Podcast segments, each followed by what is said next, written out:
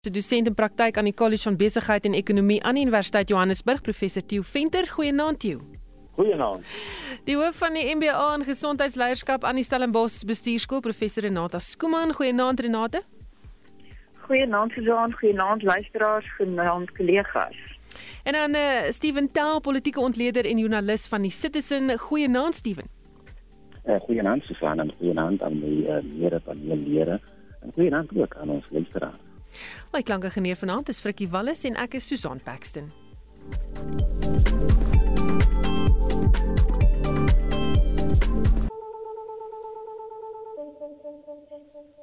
Goed, ons begin met die ANC in KwaZulu-Natal. Dit het die uh, nuusdag oorheers en die naweek het uh, die provinsie sy nuwe leiers verkies.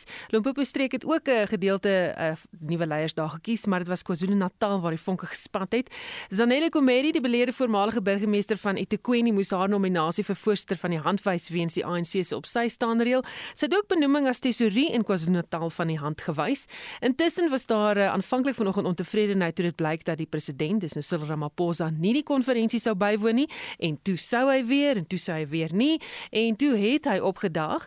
Nou vanoggend het 'n groepie betogers voor die konferensielokaal betoog en gesê hulle wil nie Ramaphosa daar hê nie.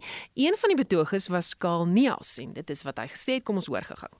And I'm here to say that Cyril Ramaphosa must not address this provincial conference because of the crimes that Cyril Ramaphosa had been charged with very serious crimes with regards to Pala Pala. There was contravention of foreign exchange regulations, abduction, torture. We do not want a criminal to address a conference of the African National Congress. We have demanded from the National Executive Committee of the ANC that they must let Ramaphosa go They have not yet done so, so we're here to say that he must go, and we do not want him to enter this premises. Nou die president het toe opgedaag en hy die verwarring oor of hy daar sou wees of nie daar wees nie so verduidelik.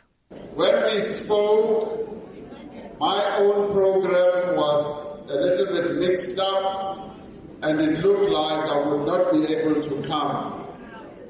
But later, we spoke again And I informed Comrade Duma that yes, my program had loosened up and I was therefore able to come. And that is why I am here. Goed, eh, Stefan, ons begin sommer by jou. Belangrik is dit dat hy daar moes gewees het.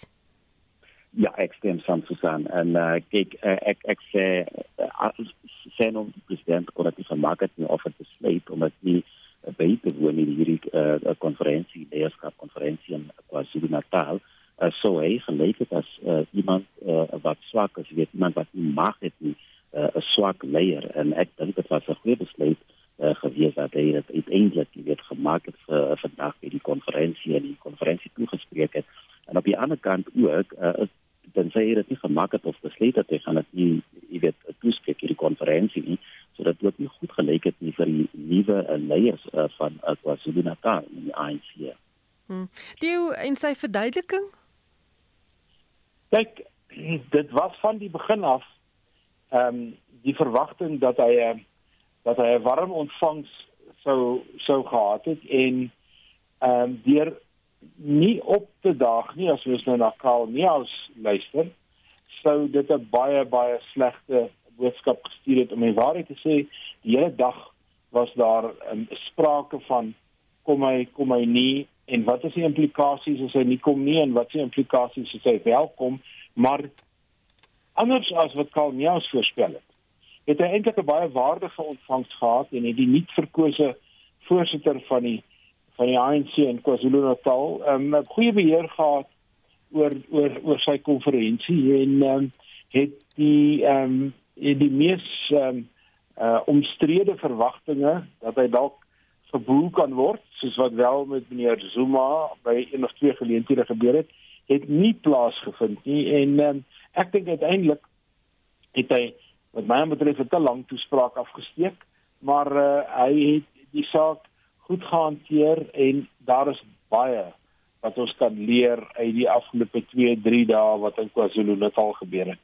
Soos Wel, ehm um, dit het die dit het die proses op pad na die ehm um, beleidskonferensie wat binne 'n week gaan plaasvind en ook die nasionale konferensie wat in Desember gaan plaasvind gekompliseer. Ek dink dit is waarskynlik die beste wat 'n mens kan sê dat dit nou gekompliseer is. Die tweede ding wat ons geleer het is dat ehm um, goeie administrasie tel tog vir iets in KwaZulu-Natal se konferensie.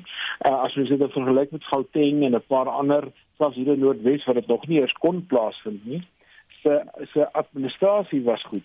Die derde ding is die verkose leiers verteenwoordig nie noodwendig wat op die beleidskonferensie gaan gebeur en wat by die nasionale konferensie gebeur nie. Die takke verteenwoordig dit. En die belangrikste verkiesing wat eintlik hierdie naweek plaasgevind het, boonbehalwe nou die nasionale voorsitter ten koste van Zikra Zikilala is die provinsiale sekretaris want dit is die provinsiale sekretarisse in oorleg met die Tulihuis wat eintlik bepaal wie die konferensie bywoon en wie die nasionale uh, konferensie bywoon en in watter hoeveelhede hulle dit gaan bywoon. So al hierdie goed kom nou eintlik in spel op pad na Desember toe. Renata, jou gedagtes oor hierdie gebeur hierdie afgelope naweek? Ja, dis on ek dink ek moet dit duidelik sê ek is nie 'n politieke analis nie en my my my kommentaar sal fokus op die neurowetenskap en amper al fisieke van die mens as ek iets sê. So wat vir my altyd uitstaan is hoe mense veg om 'n ingroep te wees. En ek dink dit was 'n netelige situasie as mens kyk na in en uitgroepe ook in terme van die die tipe etniese groepe. Ehm um, wat ons weet was ek ek dink uh, um, president Ramaphosa as 'n absolute trailblazer dan in terme van as ons kyk na die geskiedenis van die ANC in terme van hulle leierskap. Maar wat my ook uitstaan is die projeksie. Hoe maklik dit is vir sekere mense om altyd hulle te projekteer foute op ander mense te blameer. Ek dink net ek het nou weer geluister na wat Karel Neels gesê het en dan dink ek Ja, die inkongruensie van wat jy sê en waarvoor jy staan en hoe jy nou ander leiers blameer um, vir hulle in aanhalingstekens kriminele oortredings, maar die persone wie jy voorveg en ondersteun, weet onsself hulle hulle boekie is nie noodwendig so skoon soos wat dit moet wees nie. Hmm. Stefan die leiers wat nou verkies is, Zigle Zikalala uitgestem so die Ramaphosa loyaliste is nou weg as ek reg verstaan. Ja, dit is dit dit is reg en en dit is wat baie mense sê jy dit gaan nou die uh die 'n paar bietjie moeiliker maak uh, vir meneer Ramaphosa jy weet uh, uh, tot aanloop uh, aan die ANC se nasionale konferensie uh, wat uh, een van die jaar gaan uh, plaasvind uh, en dit is kom op en ook meneer Ramaphosa vanaand ook gepleit het met die nuwe leiers. En sê kom ons werk hier saam uh, jy weet uh, die leiers van die leiers wat gekies is in KwaZulu-Natal kom ons werk hier saam om die ANC te hernieu te herbou Hm. En dan die provinsie is baie uniek en polities gevaarlik. Dalk wie daarop uitbrei Stefan. Ja, uh, ek meen KwaZulu-Natal uh, is eh uh, is baie belangrik vir die ANC. Dit is die grootste provinsie vir hulle uh, in terme van hulle stembasis en as mens uh, ook terugkyk, jy weet, uh, al die politieke moorde wat uh, daar plaasgevind het uh, is iets wat wat al vir jare lank uh, gebeur en as dit nog nooit uh, jy weet uh, gehoor van mense wat weet in ekmes geneem is mense wat uh, jy weet geprostitueer was en so aan so dit is maar al, al die jare 'n baie moeilike uh, uh, provinsie uh, as dit kom by weet politieke moorde uh, dit is 'n groot groot kopseer uh, nie net vir die polisie maar vir vir vir vir die ANC as as as as, as organisasie En die rapport berig ook dat Zuma se plan met Willem Kiesi nou hier bekend is. 9 van die 11 streke daar gaan hom glo ondersteun as presidentsiële kandidaat vir die ANC. Hoe gaan dit dan nou sake beïnvloed? Ja, die die proses na na Desember begin in alle erns na die beleidskonferensie ehm um, wat volgende week plaasvind soos ek reeds gesê het. En dan wat ons dan gaan sien is hoe die nasionale uitvoerende komitee ja, hulle het eintlik klaar die reëls bepaal vir hoe die nasionale konferensie moet plaasvind. En dit is nou die tyd waar ons nou verskillende kieslysies, die sogenaamde slits, gaan ons nou begin sien. Dit gaan nou na vore tree en daar sal ons nou sien of Willem Kiese se naam wel op daai lysie is en die groot vraagstuk wat nou van hierdie konferensie af oorgaan na die beleidskonferensie toe um, volgende week is die hele op sy staan reël. Nou, dit was interessant dat die week vooraf is gedomeineer deur die vrae en die beweringe dat ehm um, uh, uh die die die kandidatuur van Gugumede ten spyte van die aanklagte teen haar gaan gaan slaag wat toe nie gebeur het nie.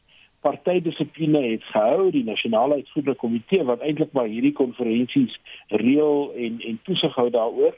Ehm het waarskynlik aan haar oorgefluister dat sy haar uh, politieke loopbaan dit wat oor is daarvan um, in die wiele gaan ry as sy haar wel beskikbaar stel want hulle gaan haar moet uitknikker maar dit gaan beteken dat by die beleidskonferensie gaan hierdie hele kwessie van op sy staan waarskynlik ANC beleid en as ons na die president geluister het dan sê hy die fokus van beleid is die ekonomie.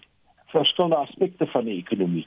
Maar ek dink wat ons volgende week gaan sien is dat daar gaan 'n aanslag kom teen die op sy staande reël ehm um, wat selfs gehanteer kan word as hulle die um, nasionale konferensie sien nou maar die laaste dag daarvan verander na na 'n nasionale um, raadplegende konferensie sogenaamde NGC wat nie verlede jaar kon plaasvind nie as gevolg van Covid. So ek dink die die aanvoorwerk vir hierdie groot kwessie het eintlik hierdie naweek plaasgevind en gaan ons volgende naweek weer sien want dit is die op sy staande reël wat nou 'n klomp mense um, in die in die in die in die voet skiet en een van hulle is William Kiese wat op die grens staan. Uh, ons weet nou is nie geskort nie, hy het self uitgetree, maar hy was bitter naby daaraan om om wel um, daardie pad te loop. En um, as dit Zuma se plan is en dit is goed dat jy sy naam noem want alhoewel president Zuma nou nie regtig by die konferensie was nie was sy gees en sy optrede en die lojaliteit was um, was duidelik aanvoelbaar en 'n mens kon mens kon um, eintlik sien dat die die hele vraagstuk rondom Ramaphosa se presidentskap en die hele kwessie van wat met um, Jacob Zuma gebeur het en die lojaliteit wat KwaZulu-Natal aan Jacob Zuma het het in 'n mate eintlik gesprekke en mense se emosies oorheers. Hmm.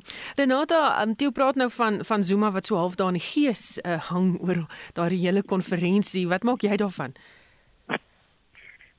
Ja, dit is baie keer die baie keer die mense as wat amper praat die, die potensiële los of something. So baie keer brief mens of jy brief as ek nou so in Boskan praat oor iets wat nie gebeur het nie en baie keer iets wat potensieel kon wees. Dit dit dit is 'n dilemma wat baie van sy volgelinge ook in sit van hy het nie heeltemal vir hulle gebring wat beloof is nie maar daar's tog steeds die hoop in die goed wat ons kan opkyk na die groot leierfiguur en ons weet in die wêreld is daar 'n weg beweeg van hierdie tradisionele sterk man as 'n leier en ons kry ander tipe leiers, die meer empatiese tipe leiers of die meer um leiers wat inspirerende leiers is. But the, the big man leader is worldwide besig om te te weg te gaan. Ek dink die laaste groot een wat ons gehad het in Suid-Afrika is definitief Nelson Mandela en ek dink dit is baie baie moeilik vir ander jonger of nuwer presidentsiële kandidaate en presidente om regtig weer daai vol te staan. Uh, net om so 'n bietjie terug te gaan na na Zweli Mkhize, ek dink as mens dink aan die hele digital rights skandal en miskien oor ek nou spesifiek uit 'n gesondheidsorg agtergrond kom, dan dan link dit nou weer vir my terug oor wat ek nou net gesê het van Kwalmia, as dit baie maklik kan projekteer oor wat Cyril Ramaphosa nou verkeerd gedoen het of waaroor ons spekuleer wat moontlik daar kon gebeur het, want ons weet nog nie. Maar dan dink ons nou weer aan digital rights wat daar gebeur gebeur het en ek dink wat vir my hartseer is dat ons op hierdie stadium nie een leier het waar ons nou regtig kan kyk en dink maar maar jou kurrikulum vitae is eintlik skoon nie. Hm. Renata, is jy nog daar? Yes, ek het oh, goed nou. Om klink of hy nou so bietjie daar weggaan. Ehm um, dan wil ek terugkom na Ramaphosa se toespraak Stefan, wat het jy daarvan gedink? Uh, ek dink uh, hy baie hy baie baie probeer om uh, jy weet nie uh, oor 'n uh, president of 'n oud president Jacob Zuma te praat nie. Uh, maar ek uh, ek dink uh, dat er mate 'n bietjie teruggeslaan uh, jy weet uh, teenoor wat uh, oud president Thabo Mbeki uh, by die ronding van uh, die uh, van, van Jesse Duarte wat so gesê het oor oor nou kom te sê uh, dit lyk nie asof uh, daar 'n plan of 'n ekonomiese plan bestaan uh, onder die ANC se se se regering uh, maar maar maar hy het gesê nee daar is toch je weet, uh, uh, plannen wat, wat, wat een plek is om uh, probeer je economie van die land uh, om te zwaaien. Maar daar was, uh, wist niet, uh, hij heeft niet baie details uh, gehad of genoemd uh, uh, in zijn toespraak, maar hij heeft gezegd, Zuid-Afrika is toch op die rechte pad en hij is uh, bezig als de regering. Uh, om die economische situatie uh, om te zwaaien. Want, want bij mensen krijgen zwaar. Zo zien, je weet, met die brandstof wat soort dieren is uh die die die die, die kospryse wat ook so styf en so aan so dit is nie net vir almal maar ja dit sê hy het nie so baie uh in detail gegaan oor uh wat presies uh hulle planne is as die regering die ANC se regering om weet, die ekonomiese situasie van die land uh, uh te, te verbeter Hmm.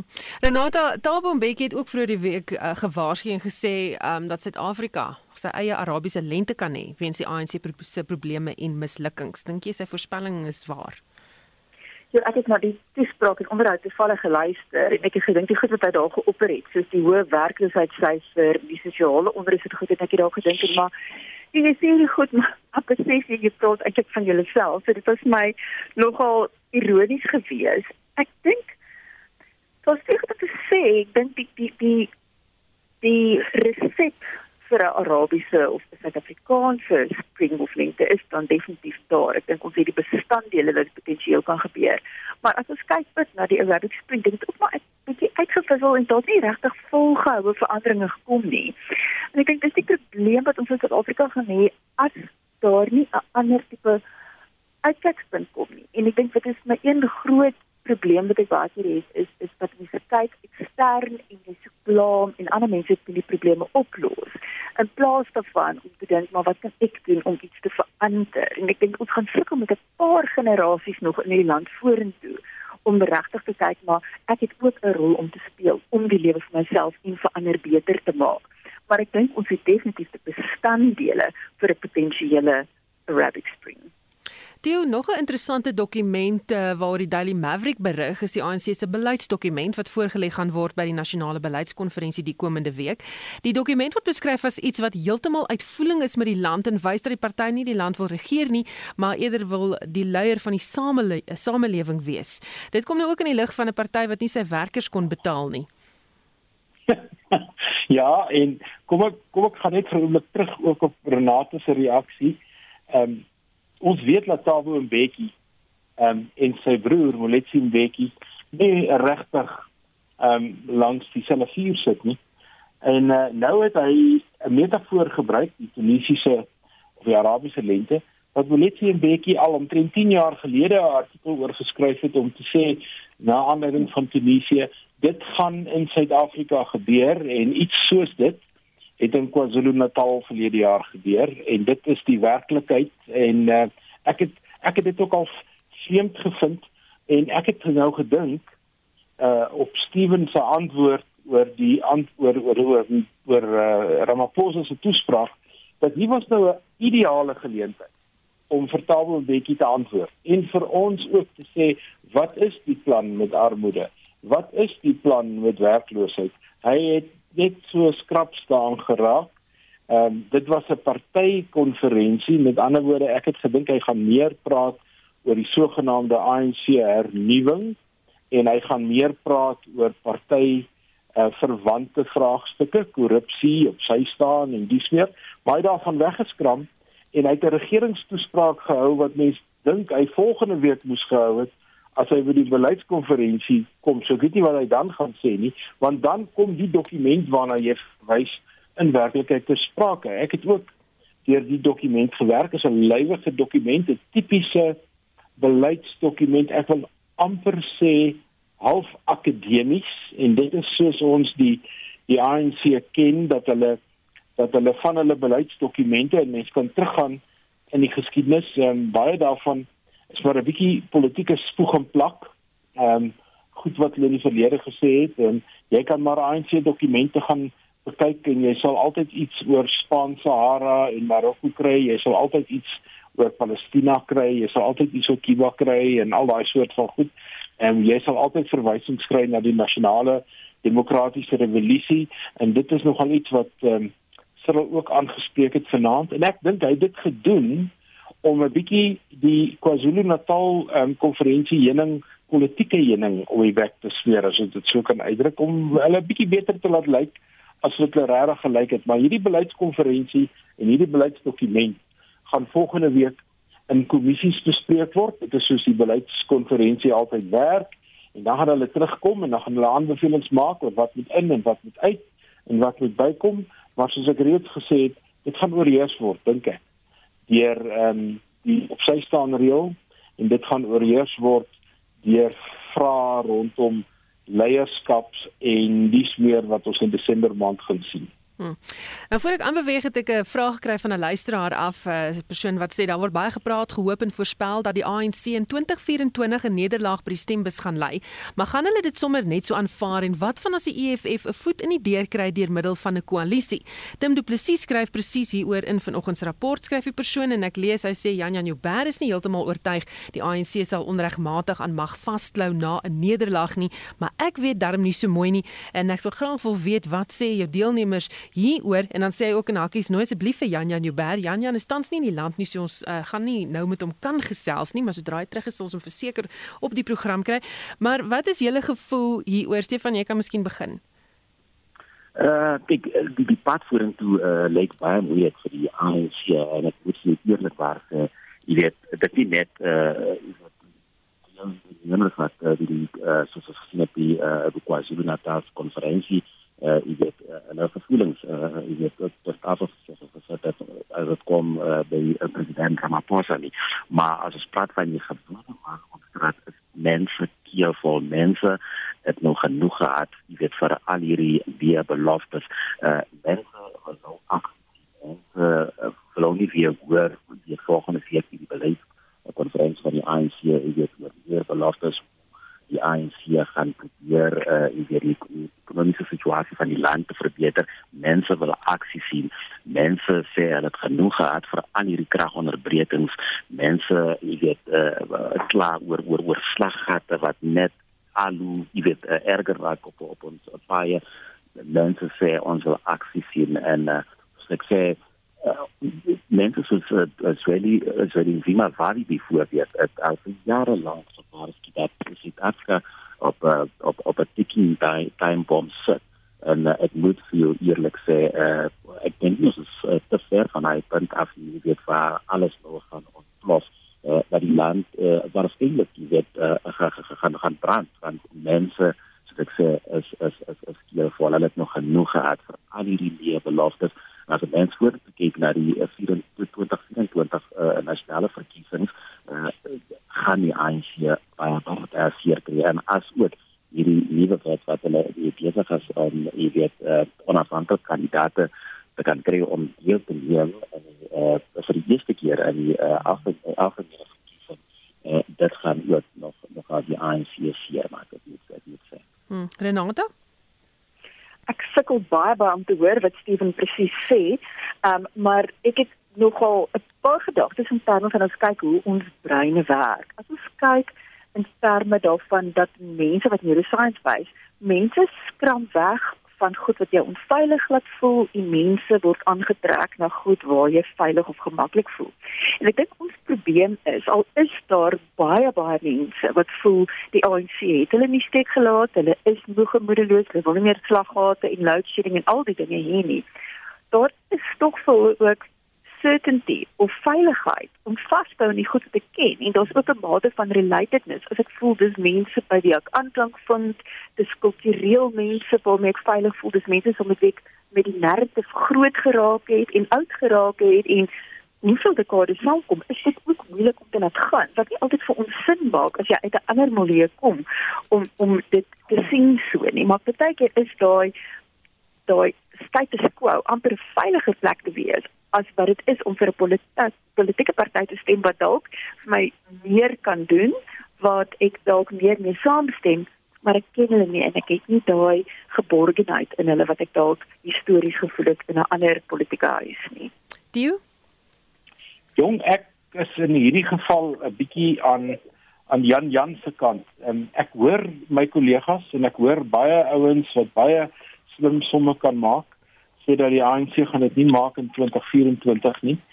Uh, ek erken die die moeilike omstandighede wat Steven genoem het en um, ek hoor ook wat Renate sê oor die hele kwessie van geborgenheid en en hoe mense by sekere politieke partye tipies bly ten spyte van wat die werklikheid eintlik voorgee en en vir hulle sê. En ek het 'n ek het so 'n uh, gevoel dat die die tendens van die ANC se steun as mense dit neem van die Tabo en Bekkie era af was geleidelik afdraand. Met ander woorde daar is 'n daar is 'n tendens wat wys dat die ANC al nader en nader aan 50% kry. Dis die een tendens wat duidelik is en die vraag is wat ons moet hê vir 2024 gaan hulle onder die 50% merk inkom en as hulle onder die merk inkom met wie sal hulle wil saamwerk om in die regering te bly? Nou dit uh, ek weet baie luisteraars dink onmiddellik aan die EFF maar ons moet onthou dat die ANC en die EFF nie regtig langs dieselfde vuur sit nie. En as jy sê nou maar uh, in 'n scenario waar jy 48% van die steun kry dan het jy nie 'n party nodig met 10% van die steun soos die EFF nie dan het jy 'n party nodig met 2 of 3% van die steun so jou koalisie vernoot gaan jy baie baie versigtig kies om net daardie meerderheid te kry wat jy um, regtig nodig het. En die die tweede ding wat ek uh, wat ek saam met Jan Jan stem in sy afwesigheid is die Weskaap is vir ons 'n baie goeie voorbeeld waar die ANC al regeer het. En hy het die hy die hy die regering verloor en hy sit nou in die oppositiebanke en wat ons wel van die ANC kan sê is hulle is 'n baie ongemaklike oppositie.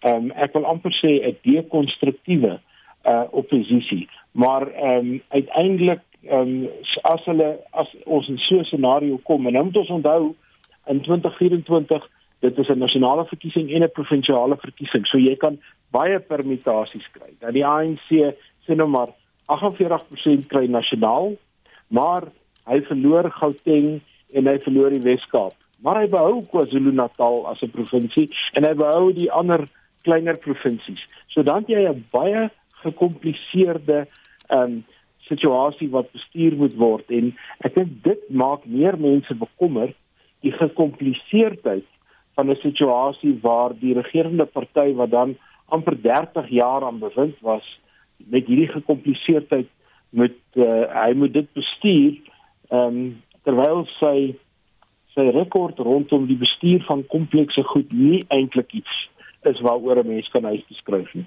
Hmm gaan nog 'n interessante stryd raak môreoggend in Monitor. Dan uh tussen 6 en 7 praat hulle dan ook verder oor die kwessie so skakel in daarvoor. Maar kom ons gaan nou eers na die buiteland toe. Die Wêreldgesondheidsorganisasie het aangekondig dat aappokke nou 'n wêreldwye gesondheidsrisiko is.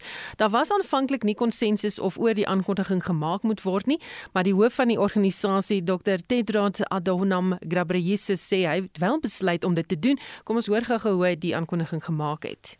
We have an outbreak that has spread around the world rapidly through new modes of transmission about which we understand too little and which meets the criteria in the international health regulations. For all of these reasons, I have decided that the global monkeypox outbreak represents a public health emergency of international concern.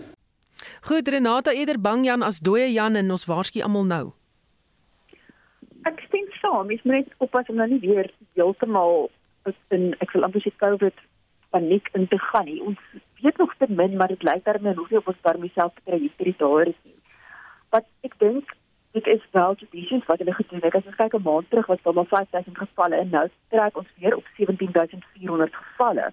En dit Afrika se werk weet ek ons ons het die gevalle, maar die probleem is hier in van tevore wat ek gesien as 'n seksueel oordraagbare siekte maar dit lyk nou wel of nabye kontak en druppelbesmetting oor 'n klein afstand. So met alhoewel iemand wat naby jou nie so so wel jou in gevaar kan stel. So ek dink ons het baie geleer uit die pandemie en om 'n masker te dra en jou hande te was is miskien maar steeds 'n goeie idee. Uh Steve, Steven, die hoogste risiko is in Europa, maar wil hulle verhoed dat nog 'n pandemie plaasvind soos op die skaal van COVID? Ja, dit is moeilik om te sê, maar soos ek nou die nuus oor sport en so aan, wil ek amper sê, jy weet, is maar altyd beter om jy weet meer en meer versigtig te wees. Mens sien wat ons gewees het met eh uh, die, die COVID eh, pandemie wat ons hier is nog steeds met ons. Ek dink mense maar net mense aanmoedig jy weet om te sê bly maar net dat dat eh, jy weet hoe maar die nuus loop net dat jy moet om te sien hoe hoe ver gaan gaan hierdie hele ding gaan ja, laat mense maar net meer en meer versigtig wees. Ja. Steven, kan ek vir jou vra as jy nou as ons nou wegsels, jy net so bietjie miskien nader aan jou foon, jy weet jou uh, ja. spreekbuis bietjie nader kan kom, jy raak so bietjie weg hier op 'n ja. stadium en nog net seker maak hy syn is sterk genoeg. Ons ja. sukkel effe om jou te hoor. Toe, uh, wat maak jy hiervan? Dink jy dat hierdie stigma aan hierdie siekte, die behandeling daarvan in die wiele kan ry? Ja, ehm um, toe ek nou die dag 'n bietjie luister na die totale omvang van aappokke wat met ape probleem niks te doen het nie. Ehm um, maar se weer net een van daai name wat ons vir hulle te gee, het ehm um, ek baie duidelik gesien dat dit sekere ehm um, segmente in die samelewing harder tref as ander, byvoorbeeld mans meer as vrouens en sekere leefstylgroepe meer as ander. So dit is 'n dit is 'n dis 'n gespesie ek wil amper sê gespesialiseerde soort ehm um, siekte maar die oomblik wanneer jy dit afkondig ehm um, soos wat die Wêreldgesondheidsorganisasie nou gedoen het, dink ek dan maak jy bronne beskikbaar um, in lande en jy fokus aandag op die probleem eerder as wat iemand dit nou net ver af hoor en daaroor besluit. So ek dink dit is die doel van so 'n afkondiging is om bronne beskikbaar te maak uh, om op 'n breëre basis um, en na die uh, um, siekte om te sien en dit dan te hanteer. En soos Renato ook gesê het, dit is glad nie in die COVID um soort van klas nie, maar dit is tog op die spoor van. En dit is interessant hoe die wêreld nou reageer op op krisisse. Nou dat ons 'n groot pandemie gehad het, die eerste een in omtrent 100 jaar, is um daar sien ek in in baie verslae en in baie uh, navorsing en in baie adviese wat mense gee, is hulle amper oorsensitief en tree hulle vinniger en meer intens op as wat hulle in die verlede sou opgetree het oor oor so siekte. Um, byvoorbeeld het ek ook gesien in die laaste week of twee, daar was die eerste keer weer pokke in New York in omtrent 80 jaar. Dis nou sulke soort goed wat nou baie meer aandag ehm um, trek in die in die gesondheidsomgewing as wat dit voor um, COVID-19 byvoorbeeld sou gedoen het. Hm. Goed, net hierna praat ons oor brandstofderegulering asook Eskom en Palapala. Jy luister na 'n kommentaar en my gaste vanaand is professor Theo Venter, professor Renata Skuman en Steven Tel. Kom ons praat 'n bietjie oor brandstofderegulering planne om 93 oktaan petrol te dereguleer is ook in die staatskoerant gepubliseer en mense kan 'n kommentaar daarop gaan lewer. Dis nou lyk like dit vir my een van die pogings om die brandstofprys effe goedkoper te maak. Ehm um, Renata, is dit die antwoord op die brandstofprys probleem? ek dink daar's 'n groot sistemiese probleem waarna mense moet kyk. Ek dink om net te sê die regulering daarvan is die antwoord. Daar is internasionaal soveel faktore wat ons weet op hierdie stadium 'n 'n rol speel. Maar waar ek dink dit is potensieel goed is as mens kompetisie kan inbring. As jy dan net kyk na 'n consumer perspektief en ek besef hierdie is nou nog 'n lang pad wat voor lê. Dis nog nie iets wat oornag gaan gebeur nie. staan ek net baie keer verstom om te weet ver mense sal ry byvoorbeeld vir 'n winskoopie of iets wat potensieel goedkoper is maar hulle neem nie in ag die tyd en die brandstof wat hulle uitdry om die goedkoper brandstof op die winskoopie te kry nie. So hoeveel dit regtig op die ouer die verbruiker se sak gaan baat en of dit net iets is wat mense dalk gaan sis die idee daarvan dit sal ons nog moet sien. Die uh, sal die brandstofbedryf dit verwelkom. Ja, die brandstofbedryf is 'n komplekse bedryf en die die komponent wat die brandstofbedryf eintlik as 'n as 'n wins uit brandstof uitkry is baie baie klein. As 'n mens 'n bedrag van 25 rand 'n liter gebruik as 'n algemene riglyn, dink ek um, die brandstofbedryf self kry minder as 2 rand uit daai 25 rand en die regering kry die helfte as nie meer as die helfte is nie vir belastingdoeleindes. En daar lê die probleem. Die die deregulering mag miskien 'n rand of twee spaar op 'n liter en uh, ons het ook met diesel gesien wat reeds gedereguleer is. So wat gebeur is 'n uh, 'n minimumprys word so half bepaal en dan kan die die die die verkope van brandstof ehm um, vrylik ehm um, gehanteer word na 'n prys wat kompeterend is. Ek dink daar is ander strukturele veranderings wat aan die brandstofprys gemaak word. Kom ek gee 'n praktiese voorbeeld. Die brandstof word in skepe afgelaai baie want ons ons raffineer nie regtig meer baie van ons brandstof nie. Dan word dit in 'n petrol in 'n 'n brandstofpyplyn vervoer van Durban tot so daarna by Heidelberg en van daar af nog verder en daar word dit versprei. Dis nou alles wat na die noordelike provinsies toe kom. Maar die brandstof wat nou van Heidelberg af teruggevoer word sien nou maar na 'n dorp soos Harry Smit kos nou duurder as wat dit in Johannesburg kos. So die platteland kry subsidieer die stede. En ek dink dit moet andersom wees. So ek dink daar kan baie meer ehm um, noukeurig gekyk word na die samestelling van die brandstofpryse as bloot net die deregulering. Die vraag is, gaan jy by iemand soos Gwedi Montash wat wat wat 'n sentraal beheerde luk in hom het, gaan jy by hom verbykom? Ek dink nie so nie. Steven, is dit 'n goed deurdagte plan? Ek dink so en ek dink dit is iets wat uh, uh, uh baie jy weet Suid-Afrikaners uh self verkom met in 'n liter petrol uh vandag kos uh net oor die 26 rand. So dit is iets wat baie uh jy weet vir al die gewone man op straat sal verwelkom want dit stuk uh voorheen al gedoen het. Uh jy weet die die die die, die koste van van van brandstof, koste van van van kos ook jy weet wat vervoer moet word. Uh dit het net uh, ongelooflik uh, opgeskiet is. So dit is goeie nuus wat elke Suid-Afrikaner sal uh, verwelkom. Hmm. Dan die Eskom saak geduur voor die minister van minerale bronne en energie sake, Gwede Mantashe sê Andre de Ruyter is nie geskik vir die pos as hoof van Eskom nie en hy gaan dan verder en sê dan Jan Oberholse is wel die man vir hierdie jobbie.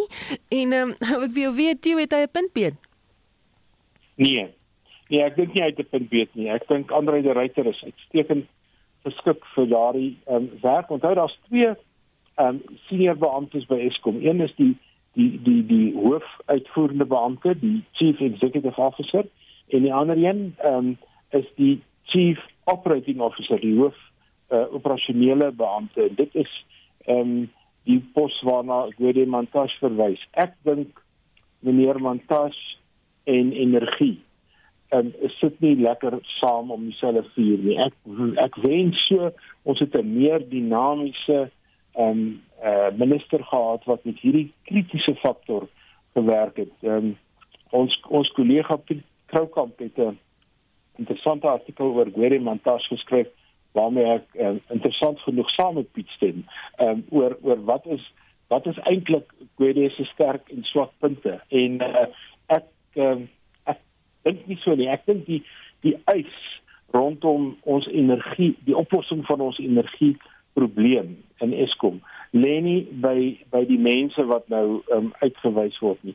Dit lê op 'n baie ander sistemiese en strukturele vlak en dit lê daarop dat hoe vinniger ons die energiebedryf dereguleer, dit beskikbaar maak, nie sit in broei op dokumente wat goedgekeur moet word nie, nie um, wag vir allerlei um, probleme en nie onnadenkende uitlatings maak oor steenkool en al hierdie soort van goed nie hoe beter vir ons. Um, ek is oortuig daarvan as die energieprobleem vir die privaat sektor gegee is en sê kom vir ons met oplossings in die volgende 3 tot 6 maande sou ons daai oplossings gehad het maar ongelukkig sit ons met 'n politieke party wat glo aan sentrale beheer en uh, ek dink um, baie mense gaan nog in die proses seer kry en hulle werk verloor en en met frustrasie uit die proses uittreë solank as wat Gwede Montash aan die hoof hiervan sit. Hmm. Renata het die stelling dalk 'n geheime boodskap vir Cyril Ramaphosa wat wel die ruiter ondersteun. Ja, ek dink dit sou spekuleer wees. Um ek dink dit is maar net nog iets waar mense weer 'n groot probleem op een persoon wil blameer, maar ek stem saam met jou dat dereguleer privatiseer en en maak dit makliker vir mense om te ondersteun. Ek dink die laaste vir my strooi wat ek nou hierdie week gesien het was nou hierdie ding oor die die solar power levy wat hulle wil hê. In plaas daarvan dat hulle dit incentiviseer sodat mense die druk op die die grid verminder, maar ek verstaan ook cross subsidiation is needed ek verstaan dit heeltemal en dan ook wat hulle nou noem oor die lading op die netwerk later nie aan daai ene verstaan ek nie heeltemal die argument nie. Maar ek dink dit is maar weer as ons iemand anders kan blameer dan vat ons die aandag van onsself weg.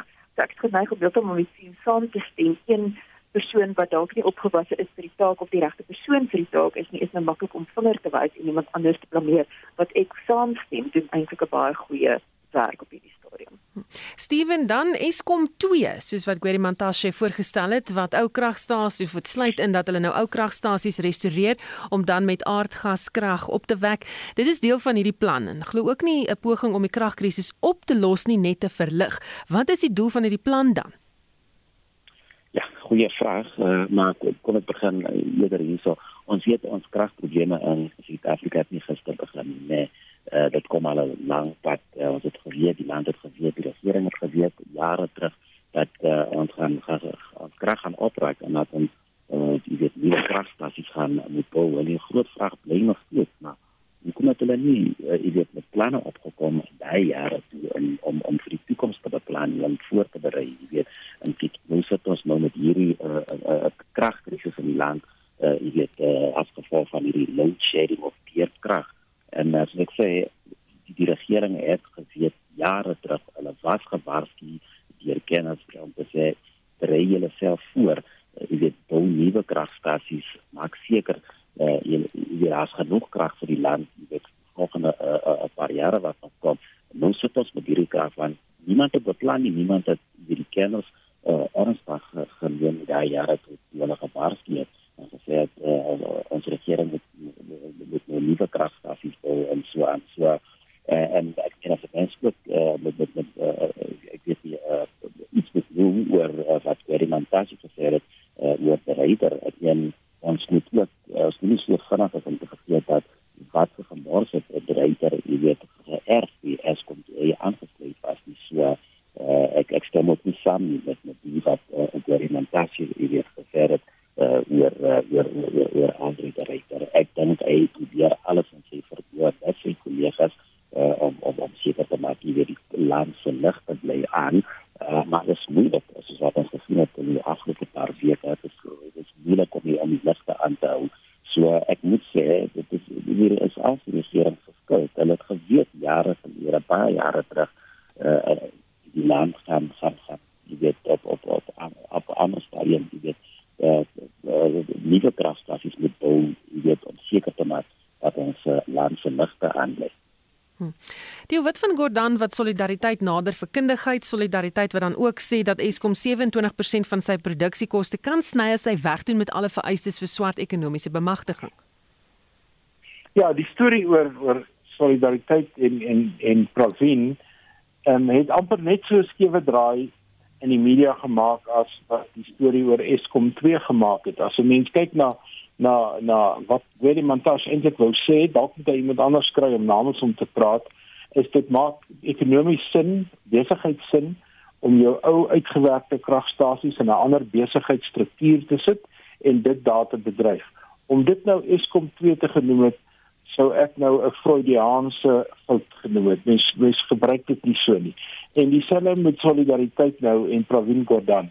Pravin Gordhan ontken dat hy spesifiek vir um, solidariteit gevra het. Solidariteit weer het die brief wat hy gepubliseer het of vir hulle of vir 'n hele aantal organisasies gestuur het, het hulle gepubliseer en hulle is lankal reeds in die nuus daarmee dat hulle 'n lys opgestel het van wie watter vaardighede het wat tot die beskikking van Eskom gestel kan word.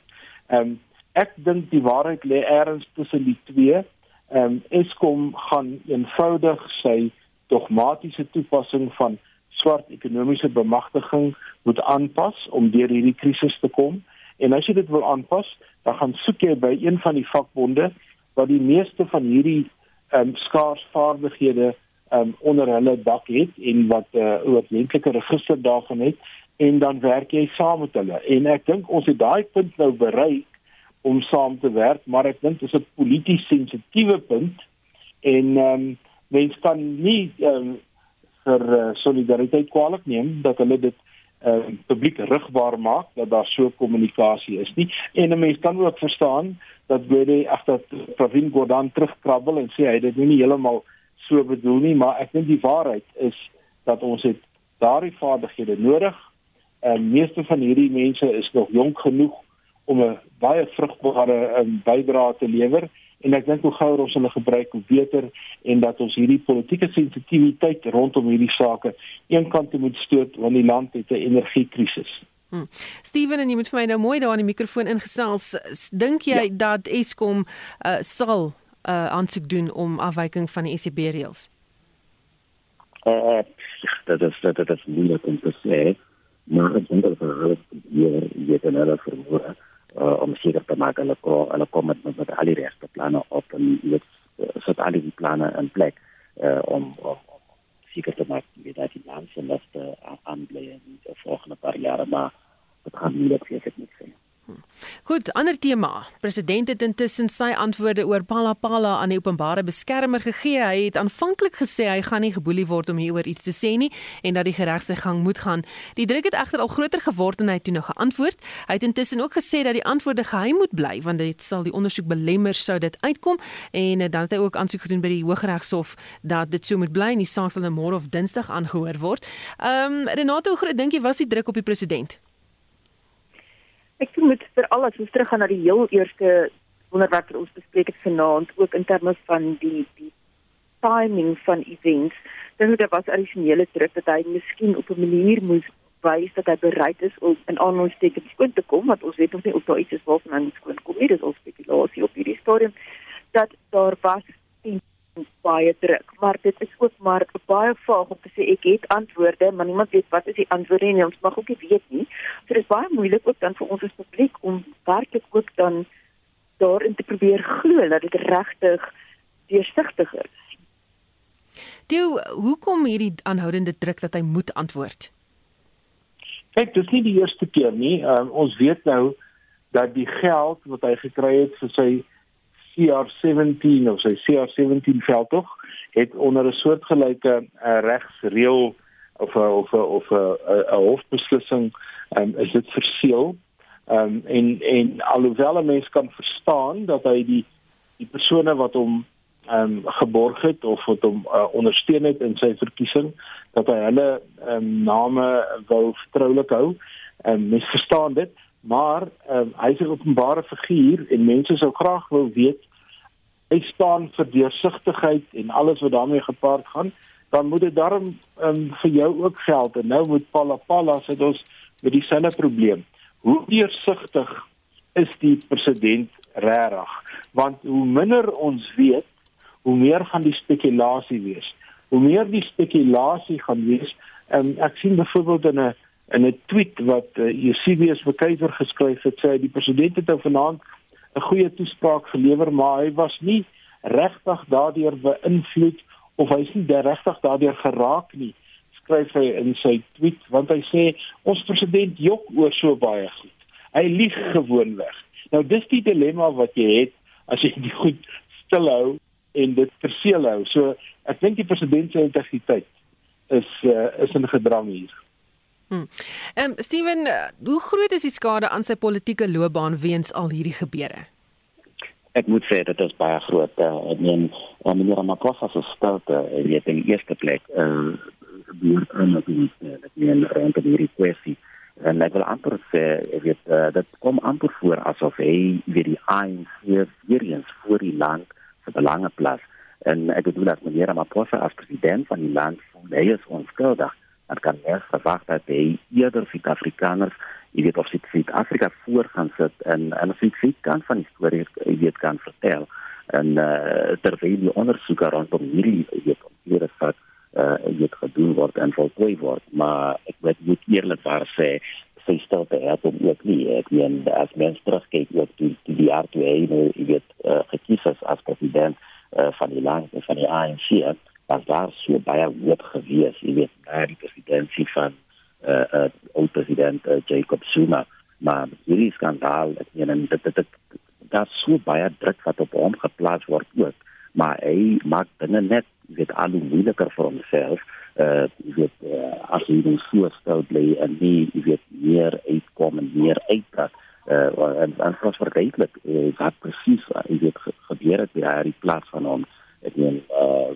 baie mense vra nog steeds naar wat presies het uh aangegaan ja by daardie plaas. So ek dink uh, uh om om om vir homself jy weet uh, dat hy het en, en, en vir homself as leier in die ANC val hy 'n bietjie moed uitpraat oor oor oor hierdie kwessie en al hierdie antwoorde moet antwoord. Uh, en ek kan nie wag nie soos baie Suid-Afrikaners om te hoor uh, hoe antwoord hy uh, weet die 31 vrae wat uh, deur die openbare beskerming uh, aan hom gevra is Die die hoof van die presidensiële beskermingseenheid Wally Rode het intussen ook sy antwoorde aan die OB gestuur en dit het ook glo kan wurms oopgekloof bevestiging glo van die rolle wat die president en die Namibiese president sou gespeel het. Ja, ek het dit gelees en dan die in dieselfde week uh, is die man wat aan die hoof van daai media huis staan, Iqbal Servey, is ook 'n uh, omstrede figuur en die skrywer van daardie artikel is Suid-Afrika en as mens al hierdie goed bymekaar sit, dan krap ek 'n bietjie kop oor wat is feit en wat is fiksie wat moet ek glo en ek nie glo nie en hier kom Renate se punt oor spekulasie na vore omdat ons nie weet nie. Maar ehm um, ons moet onthou dat uh, generaal Rode waarskynlik ook maar veg vir oorlewing want hy is een van die persone wat wat duidelik geteken staan uh om eers onder 'n bus te beland, ehm um, spreek woordelik nou in in hierdie soort veldtog want iemand gaan eers die prys betaal.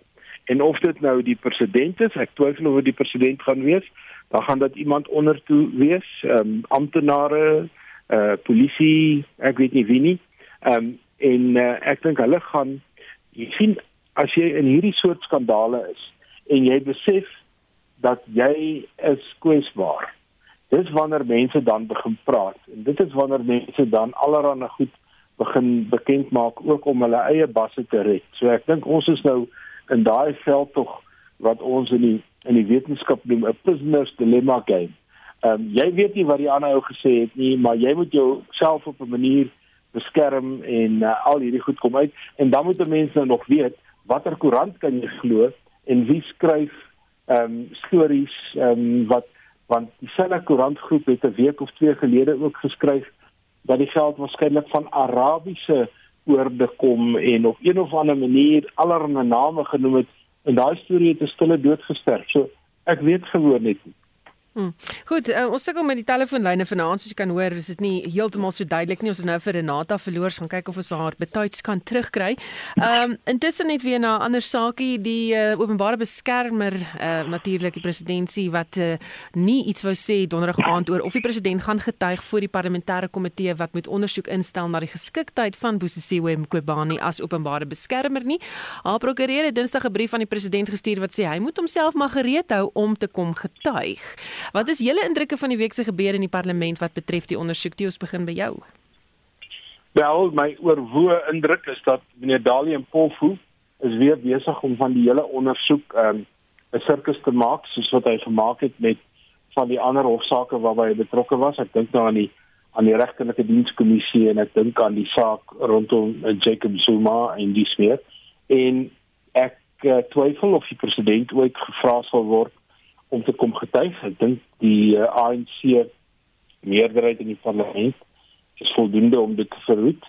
Maar ehm um, wat hy wel reg kry is om die saak uit te stel en om dit te kompliseer en om dit waarskynlik na 'n punt te bring waar daar nie vinnig ehm um, van ehm um, Bosisiwe Makwibane ontslag gaan raak nie en dat dit dalk sal oorloop na volgende jaar toe en en en nou as jy sê volgende jaar dan beteken dit ons moet nou verby die ANC se verkiesingskonferensie kom en 'n klomp ander goed kan verander en skielik maak dit sin om tyd te wen. Want as jy vir tyd speel dan speel jy eintlik vir die omstandighede om te verander. En as die omstandighede verander dan kan jou uitkomste of dan kan wat jy verwag uit die stelsel ook verander. Ek dink dis die spel wat Dali en Pofu en sy regspan speel rondom Osisiwe Makwibane. Steven sal dit in die president se belang wees om wel te gaan getuig. Ja, ek moet sê ek stem saam met eh uh, uh, ek ek men uh, uh, die president die het gaan getuig. Maar as mens ook terugkyk na eh uh, eh uh, uh, die openbare beskerming Osisiwe Makwibane se se se se se geskiedenis hier. Hoe sien afhakel die al verloor? En as mens ook kyk ek terugdink na na hierdie hele vrede melkplas skandaal, ek meen waar mense soos Esma van Chile, voormalige premier van eh uh, uh, die staat hier waar hulle geïnteresseer was. Ek meen dit was een van hy hier hars jy kon doen nog uh, ons het al 'n storie gaan doen toe ons met uh, jy weet 'n paar uh, inwoners van gesels het daar so wat sê uh, beloftes was aan hulle gemaak om te sê hulle het byvoorbeeld mense na hulle gekom en hulle gevra hoeveel beeste het julle? En hulle sê 10 of 12 of 20 en hulle vra nie uh, bring hy beeste uh, my toe. Ons gaan vir 'n groot groot groot pas en hierdie hele melk jy weet projek eh uh, uh, uh, doen maar nie mense sit nou nog jy weet na aan hierdie die beloftes wat aan hulle gemaak is. En toe het het het die posisie kon baie toe jy weet ondersoeke gedoen oor hierdie ding maar eh, toe toe almal nog gewag het vir die jy weet die uitslaaf van al hierdie ondersoeke toe daar niks jy weet om om, om te praat so uh, ek weet nie maar ek stem saam van dit hier dat dat dat dat hierdie ding nog jy weet uh, gaan lank afsaat maar dit is ook nie nodig nie vir vir president Ramaphosa om om om, om vir hy uh, komitee gaan jy weet verskyn. Hm. Renate, jy daar? Ja, ek is nou terug. Ek het ongelukkig 'n hele deel van die gesprek nou verloor. Goed, maar ons praat gou-gou oor die openbare beskermer, net soos 'n laaste gedagte in die ondersoek na in die parlement. Sy vir advokaat Dalim Polfo as haar advokaat wat weer 'n spektakel veroorsaak het met sy gedrag teenoor van die getuies. Is dit boelie taktiek of taktiek of het hy by die werklike punte wat ondersoek word uitgekom? Ja, ek dink dit was maar redelik boelie taktiek en en gepraat daarvan mense is geneig om baie te kyk na die overte bullying so as iemand nou duidelik onaangenaam is of ontoepaslik optree teenoor iemand maar da, ons moet ook onthou daar is baie ek wil amper sê fyn bullying wat so integraal is in ons gemeenskap nog steeds en net op die hele onderwerp in terme van hoeveel keer dan nou van die die dames in hoë posisies en ook nou soos met die geval onder bespreking um hoe die goed uitspeel. En ek het voor vandag nog al die gedagte gehad dit dit lyk tog of die mans geneig is om meer laer te trek nog vir mekaar en makliker die dames te te lewer. En dan net terug na soos net gesê het en daai is wat die die waar haar regtediens nou duidelike boelietaktiek gebruik het, maar is daar nie 'n groter probleem in in meer subtiele boelie nog in die kultuur ook nie? Baie dankie. Dis ongelukkig alwaarvoor ons tyd het. Ons vra om verskoning vir die lyne wat nie so duidelik is nie. Ons het konstant teruggebel om te kyk of ons die mense net so bietjie duideliker kan kry nie. Maar dankie dat jy saam geluister het en jou geduld vanaand. My gaste was 'n dosent in praktyk aan die College van Besigheid en Ekonomie aan die Universiteit Johannesburg, professor Theo Venter, die hoof van die MBA in Gesondheidsleierskap aan die Stellenbosch Bestuurskool, professor Renata Skuman en dan Steven Tel, politieke ontleder en joernalis van die Citizen. My klankingenieur vanaand was Frikkie Wallis. Ek is Susan Paxton. Geniet die res van jou aand.